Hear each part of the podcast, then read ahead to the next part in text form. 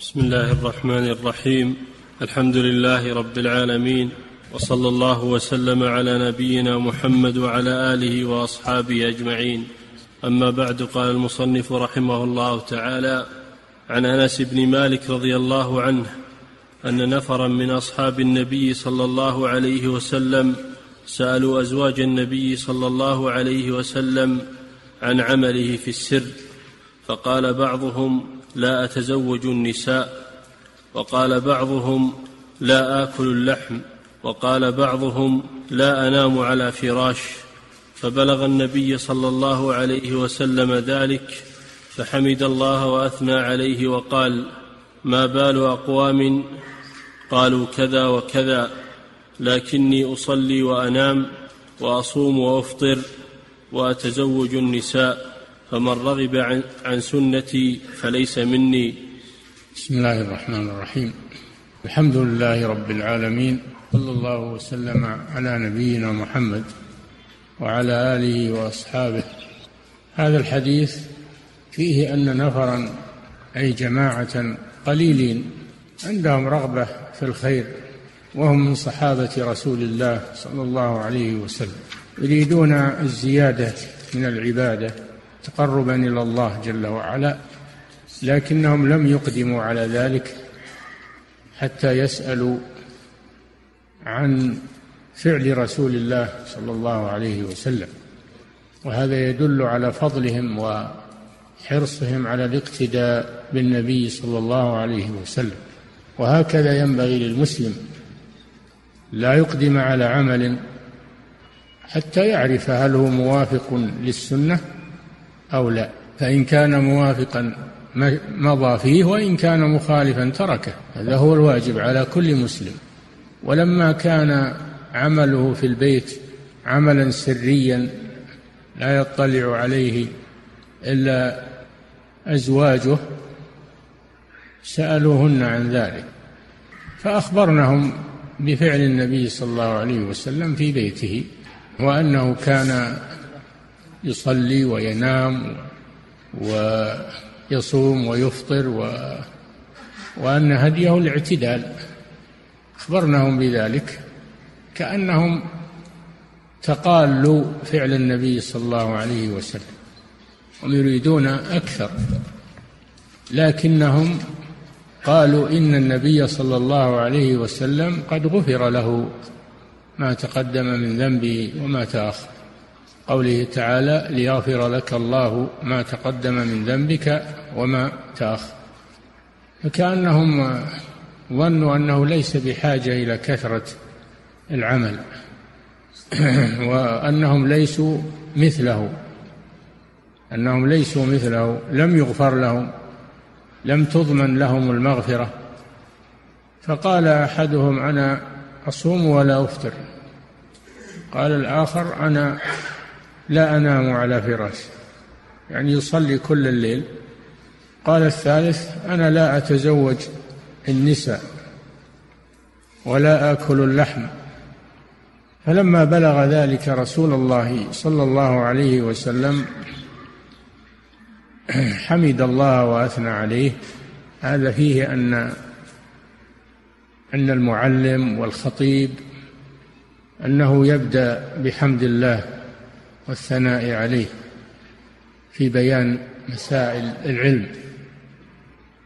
حمد الله وأثنى عليه ثم قال أما إني أخشاكم لله وأتقاكم له وإني أصوم وأفطر وأنام وأصلي وأنام وأتزوج النساء.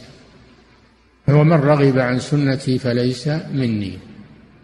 فبين لهم صلى الله عليه وسلم سنته وأنها الوسط والاعتدال بين الإفراط والتفريط فهي وسط بين الإفراط والتفريط وبين الغلو والجفاء لأنه صلى الله عليه وسلم بعث بالحنيفية السمحة وبالدين الذي ليس فيه حرج. وما جعل عليكم في الدين من حرج. وكان ينهى صلى الله عليه وسلم عن التشدد في العبادة وأن يحمل الإنسان نفسه ما لا تطيق من العبادة أن هذا لا يرضي الله سبحانه وتعالى. وإن كان صاحبه يريد أن يرضي الله وأن يتقرب إليه فهذا لا يرضي الله عز وجل. والاعتدال سبب للاستمرار على العمل وأما التشدد فهو سبب للانقطاع وترك العمل وخير العمل كما في الحديث أدومه وإن قل. فالتشدد سبب للانقطاع عن العمل لأن الإنسان بشر والنفس تعجز مثل الراحلة إذا اتعبتها كلت وعجزت عن السير. وإذا اعطيتها شيئا من الراحة فإنها فإنها تبلغ المقصود. أما الذي يشق على راحلته فهو منبت لا أرض قطع ولا ظهرا أبقى. كذلك الذي يشدد على نفسه النفس مثل الراحلة. إذا تعبت فإنها تسأم وتترك العمل. وهذا شيء مجرب. كثير من المتشددين ينقطعون وربما ينحرفون والعياذ بالله. كثير من المتشددين ينقطعون ولا يستمرون. ومنهم من من ينحرف ويزيغ. فهذا هو الذي من أجله حرم التشدد والغلو قال الله جل وعلا يا أهل الكتاب لا تغلوا في دينكم. وقال النبي صلى الله عليه وسلم إياكم والغلو فإنما أهلك من كان قبلكم الغلو. فالذي يريد الخير يقتدي بالرسول صلى الله عليه وسلم. لقد كان لكم في رسول الله أسوة حسنة هو خير قدوة عليه الصلاة والسلام. وهو أتقى الخلق لله عز وجل وأخشاهم لله عز وجل. وليس معنى خشية الله والخوف منه إن إنك تحمل نفسك ما يشق عليها. فإن الله لا يرضى بذلك ولكن معنى خشية الله أن تتقي الله ما استطعت. فاتقوا الله ما استطعتم. لا يكلف الله نفسا إلا وسعها. لا يكلف الله نفسا إلا ما آتاها. فهذا حديث عظيم. حديث عظيم. فيه حرص الصحابة على الخير والعبادة. وفيه أنهم يرجعون إلى سيرة النبي صلى الله عليه وسلم ولا يخرجون عنها وهذا هو الواجب. وقد كان لكم في رسول الله أسوة حسنة لمن كان يرجو الله واليوم الآخر ذكر الله كثيرا.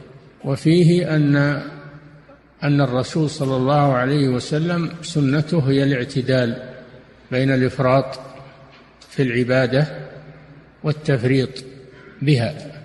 فكان صلى الله عليه وسلم يصلي من الليل وينام وكان يصوم ويفطر عليه الصلاة والسلام. يصوم الأيام ويفطر الأيام ولا يسرد لا يسرد الصيام دائما ولا يفطر أبدا.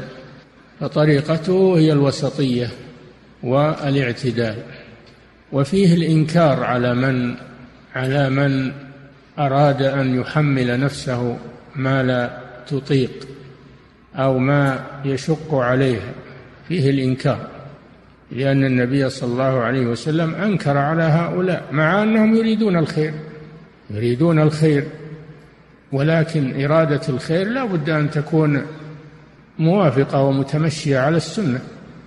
فلما كان من هؤلاء أنهم يريدون أن يحملوا أنفسهم ما لا تطيق هذا مخالف للشرع خالف لسنة النبي صلى الله عليه وسلم فيجب الإنكار عليهم. وأما قوله صلى الله عليه وسلم من رغب عن سنتي فليس مني فهذا من باب الوعيد. ليس معناه أنهم يكفرون وأن الرسول بريء منهم لكن هذا من أحاديث الوعيد. ليس مني؟ من أحاديث الوعيد. وليس معناه أنهم يكفرون لو صاموا كل الدهر أو أو تركوا التزوج أو لا ينامون الليل. ليس معنى هذا أنهم يكفرون ولكن معناه أنهم خرجوا عن الاعتدال إلى الغلو والتشدد وهذا لا يجوز. ومناسبة سياق هذا الحديث في كتاب النكاح قوله وأتزوج النساء ففيه أن التزوج بالنساء من سنة الرسول صلى الله عليه وسلم.